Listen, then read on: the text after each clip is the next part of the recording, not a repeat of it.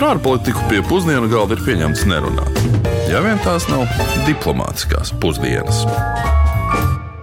Labdien! Otradienas vidū ir laiks diplomātiskiem pusdienām, uz kurām arī šoreiz aicina Esūģis Lībijams un doktors Kārls Bukovskis no Latvijas ārpolitikas institūta. Sveicināts! Sveiks.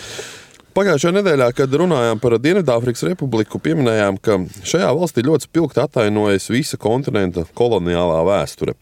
Nu, mums radās doma, ka varētu pastāstīt arī par mūsu pašu senču koloniālo pieredzi. Proti, nu, nevienam taču nav noslēpums, ka Latvijai savulaik ir bijušas veselas divas kolonijas - Tobago un Gambija.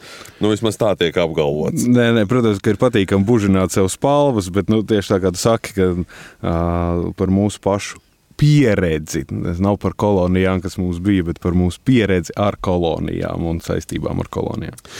Um, jā, pats esmu redzējis un dzirdējis, kā viens no mūsu bijušajiem prezidentiem Rīgas pilsētas zālē par lepni stāstu amerikāņu senatoriem par mūsu teikt, valsts koloniālo pagātni. Bet, uh, nu, kā jau varat noprast, šodien mēs esam izlēmuši pastāstīt jums ko vairāk par Trinidadu un Tobago, visai eksotisku valsti. Diezgan tālu no mums, Karibā jūrā. Bet uh, varbūt no sākuma mēs interesējāmies Rīgas ielās sastaptiem cilvēkiem, prasījām, vai viņi par Tobago vispār ir dzirdējuši, un vai Tobago kolonizēšana pēc viņu domām ir mūsu Latvijas veiksmes stāsts. Jūsuprāt, vai Latvijai kolonija Tobago bija panākums? Es domāju, tajā laikā, jā, kad tas bija. Jā. Man liekas, ka bija laikam, jā. Par to gan es nevarēšu atbildēt. kolonija Tobago. Es nezinu, kas tas ir tiešām. Es teiktu, ka jā. Ko tu domā? Nu, es arī domāju, jā. Es domāju, ka jā. Es pat nezinu, vai mums ir kolonija Tobago. Nē, mums nav. Tas nav. tas tāds trick question. Ja. Bet kā jau mūsu pirmajā raidījumā mēs minējām, tad viens no šī raidījuma mērķiem ir kliedēt dažādas mītus par valstīm, un šoreiz tas acīm redzot būs mīts tieši par Latviju. Un, ja būsim godīgi, nu, tad Latvijai nekad nevienas kolonijas nav bijis, jo nu, pašu Latviju, kā mēs zinām, izveidoja tikai 1918. gadā. Nu, jā, un ja mēs paskatāmies tīri no Latvijas vēstures viedokļa, tad acīm redzot, mēs esam vairāk bijuši paši kolonija vēsturiski nekā kolonizatori. Nu jā, no otras puses, nevaram noliekt, ka nu, tā nu gluži nav, ka nekādas saistības ar Tobago mums arī nav. Un tāpēc mēs lūdzām vienai no zinošākajām kurzemes hercogas pētniecēm, vēstures zinātņu doktorai Mārītai Jakauļai, mums īsumā ieskicēt, nu, kāds tad bija šis Tobago kolonizēšanas stāsts. Hercoga Jēkaba pirmie sūtītie kolonisti nonāca Tobago 1654. gadā, kuri nodibināja tur savu koloniju, uzbūvēja fortu, mēģināja arī iekārtot nelielu ciemu, kur nosauc Ventspils vārdā, bet uh, īsti tur uh, tie centieni bija jāsaka tādi diezgan uh, um, neveiksmīgi, jo sakarā ar notikumiem Eiropā arī hercogam teiksim, trūka iespēja atbalstīt savu koloniju aizjūrās, līdz ar to arī tā kolonija, cik viņi tur pastāvēja sešus gadus, jā, pat piecus gadus, un pēc tam pārņēma holandieši, un ar to arī viss tas izbeidzās. Un pēc tam hercogs Jēkabs vairākus gadu desmitus mēģināja atkal ierīkot kādus atbalsta punktus, bet diezgan neveiksmīgi. Tas īstenībā par otru hercogu Jēkabu koloniju mēs varam runāt Tobago tikai pašā 70. gadu beigās, 80. gadu sākumā, 17. gadsimta. Un arī šī kolonija pastāvēja diezgan īsu brīdi, Pat precīzi tas teiksim, izbeigšanās gads mums nav zināms, bet nu, maksimums 10-15 gadi. Un tad tas arī viss izbeidzās. Bet jāsaka, ka šīs koloniālo centienu neveiksmes bija tiešā veidā saistīts ar Eiropas vēsturi, ar to, kas notika šeit uz vietas. Atkal sākās apkārtējo valstu centieni nodibināt hegemoniju Baltijas jūras reģionā, sākās kārtējie poļu, zviedru, krievu kari, un uh, 17. gadsimta vidū un 1658. gadā vienā šādā kara rezultātā Zviedri okupēja kurzemes hercogisti. Jā, mēs zinām, hercogi Jēkabs saņēma gūstā, kur viņš pavadīja apmēram pusotru gadu. Un tā rezultātā hercogists atradās Zviedru rokās. Šeit visapkārt notika kara darbība, un vienkārši hercogam nebija nekāda iespēja sūtīt uz Tobago nedz jaunus karavīrus, nedz arī sūtīt kādu materiālu atbalstu. Karavīri vienkārši nesaņēma algas. Holandieši izmantoja šo te situāciju, apiesolot, ka viņi tagad uh, samaksās, jo ziņa par to, ka kurzemes hercogs Jēkabs ir sagūstīts un hercogisti ir okupēti, jau nonāca diezgan ātri kolonijās, un holandieši šo situāciju izmantoja. Un uh, vēsturnieks dr. Alders Čirbinskis arī uzskata, ka patiesībā Tobago kolonizēšana vairāk būtu uzskatām par tādu kā vēstures kuriozu. Un šī vēsturiskā fakta cildināšana daudz aktīvāk esat sākušies tieši pagājušā gadsimta 30. gados. Nu, mēs varam atcerēties, kāda politiskā sistēma mums tajā brīdī tika izveidota. Mūsu sabiedrībā kopumā zināšanas par senāku laiku vēsturi ir diezgan vispārīgas. Es teiktu, tur būtu vēl daudz kas jādara, lai šīs zināšanas uzlabotu. No otras puses, cilvēks vienmēr ir piesaistījis kaut kas tāds neikdienišs, eksotisks. Nu, Tobago pats vārds Tobago ir tāds ļoti pievilcīgs, skanīgs. Nu, rezultātā literatūrā, vispār mākslā šeit tad izmantots, izmantots kā nosaukums dažādiem uzņēmumiem, bet uh, Tobago lomas un vispār kurzemes hercegistas lomas tāda nostiprināšana Latvijas valstiskuma kontekstā sākās 30. gados kad uh, Umaņa autoritārās svaras laikā tika meklēta šī vēsturiskā pagātne, precedenti, kurus varētu izmantot, veidojot stāstu par Latvijas republiku, uh, uzsvarot to, ka Latvijas republikai bija kaut kādi priekšgājēji, dziļāka, senāka vēsture. Paklausoties abu vēsturnieku teikto, man radās tāda sajūta, ka nu, Tobago ir tāds mūsu valstiskās un pilsoniskās propagandas stāsts. Ja. Un, uh, tas ir, ja mēs atceramies, tas faktiski turpinājās arī 70. gados ar uh, leģendāro kinofilmu Melnā vēža spīlēs. Mm -hmm. uh, Starp citu, tu zini, ja, ka īstenībā Hercogs Jēkabs kuģiem esot bijis nevis melnais vēzis, bet melns krabis karogā. nezināju, šo gan nezināju. Nu, jā. nu, un arī jau mūsu gadsimtā Mārai Zālīte, Uldim Arhilēvičam bija izrāda Tobago. Joprojām kultūrā mēs redzam, ka šis vārds reiz pa reizei uzpeld. Bet uh, raidījuma turpinājumā nedaudz paskatīsimies, kas tad ir Trinidad un Tobago mūsdienās. Um. Nu, labi, tad tagad tad, uh, raidījuma otrā daļā mums jāapskatās, kas mums būs, uh, kas mums ir palaists garām, kas mums ir aizgājis gar degunu. Man, man liekas, īstenībā mums pagājis gar degunu ir ļoti daudz, kas, ja tajā laikā viņi būtu zinājuši, ka tur ir daudz naftas un dabas gāzes. Jā, tādā gadījumā droši vien mēs būtu daudz uzmanīgāk uh, centušies nostiprināties un savu klātbūtni palielināt. Bet, nu, kā mēs redzam, arī Polija savu laiku tajā pašā laikā to neizdarīja. Mūsdienās eh, Trinidad un Tobago ir um, izmēra ziņā nedaudz mazāka par Latviju. Arī aptuveni 1,2 miljonu iedzīvotāju, no kuriem lielākā daļa gan dzīvo nevis Tobago salā, bet tieši Trinidadā. 96%. Jā. Un um, šī ir maza Bet uh, kopumā gribētu teikt, ekonomiski pat ļoti attīstīta valsts, kurai ir viens no augstākajiem iekšzemes koproduktiem uz uh, vienu iedzīvotāju visā rietumu puslodē.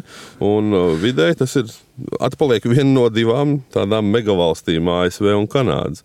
Jā, un ja tā, ja tā paskatās daudz, daudz, daudz tiešāk un, un, un pēc datiem, tad īstenībā Trinidad un Tobago IKP uz vienu iedzīvotāju ir ļoti tūs Lietuvas un Igaunijas rādītājam.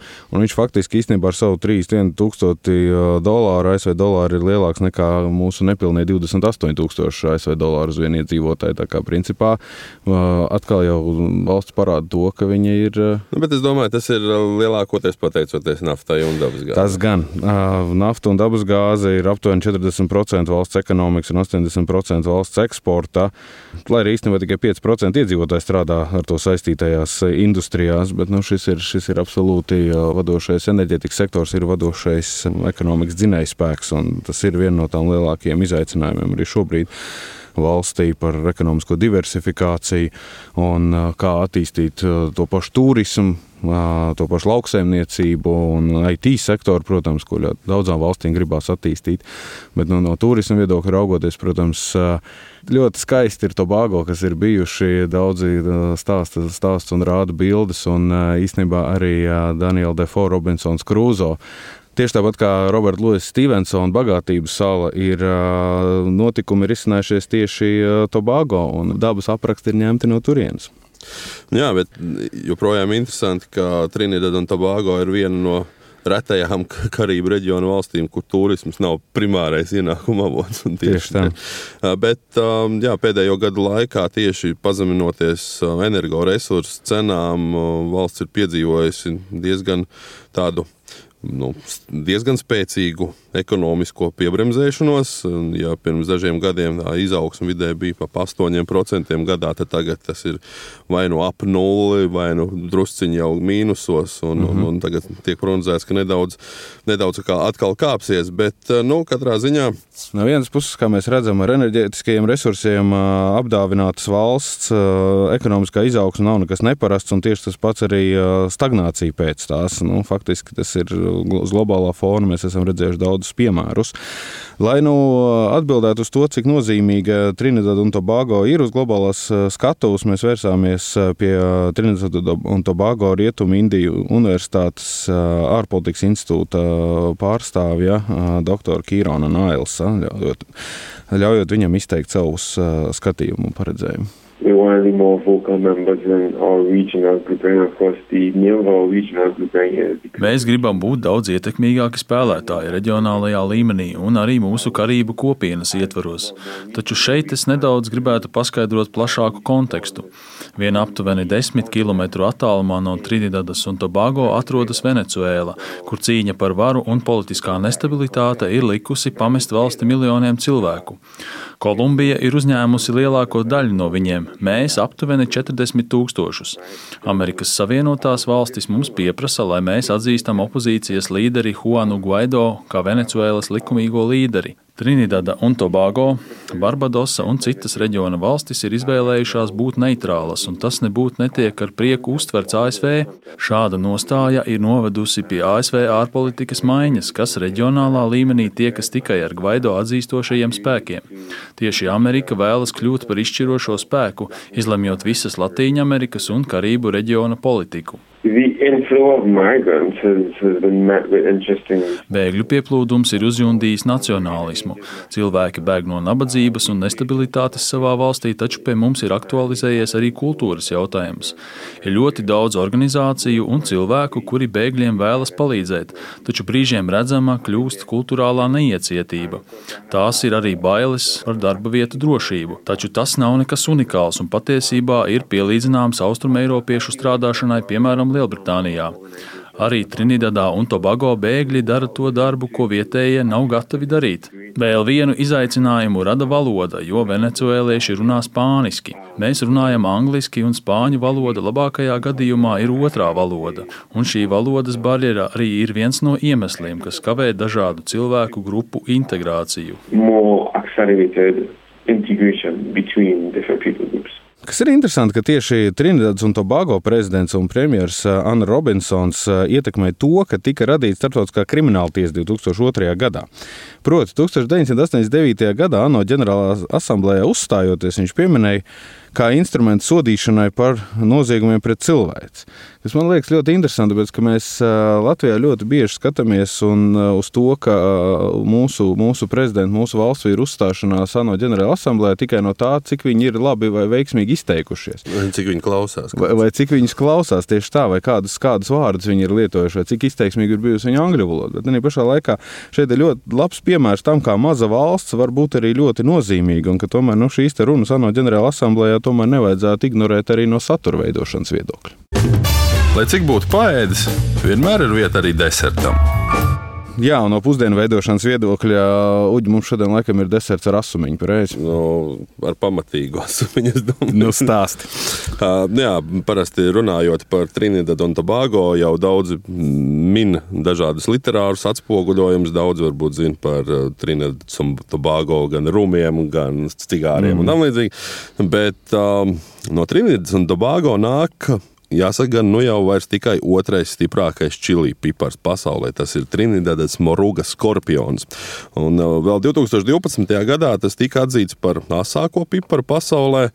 Un uh, pēc asuma mērvienības tas bija apmēram 1,2 miljoni skovilu. Bet atsevišķos augos tas, šis rādītājs sasniedzot pat 2 miljonus. Nu, pašreiz asākais čili pipars ir um, Karolīna Reaper, kuram ir uh, 1,64 miljonu skovilu. Mm. Nu, salīdzinājumam, uh, zin, cik ir Tobasko mērcē? Nu, Kaut kas ar divu pusi, ne? Divi ar pus tūkstoši tikko. Nu, tā tad nu, šis varētu būt viens tāds diezgan jaudīgs pipariņš. Mm. Bet ar šo pikanto, pikanto faktu mēs šodien arī mūsu raidījumu noslēdzam. Sadzirdēsimies jau nākamajā otrdienā, 12.30. un atgādinu, ka diplomātiskās pusdienas varat klausīties arī podkāstā. Uz sadzirdēšanos! Vislabāk! Diplomātiskās pusdienas katru otrdienu pusdienos Latvijas Radio 1.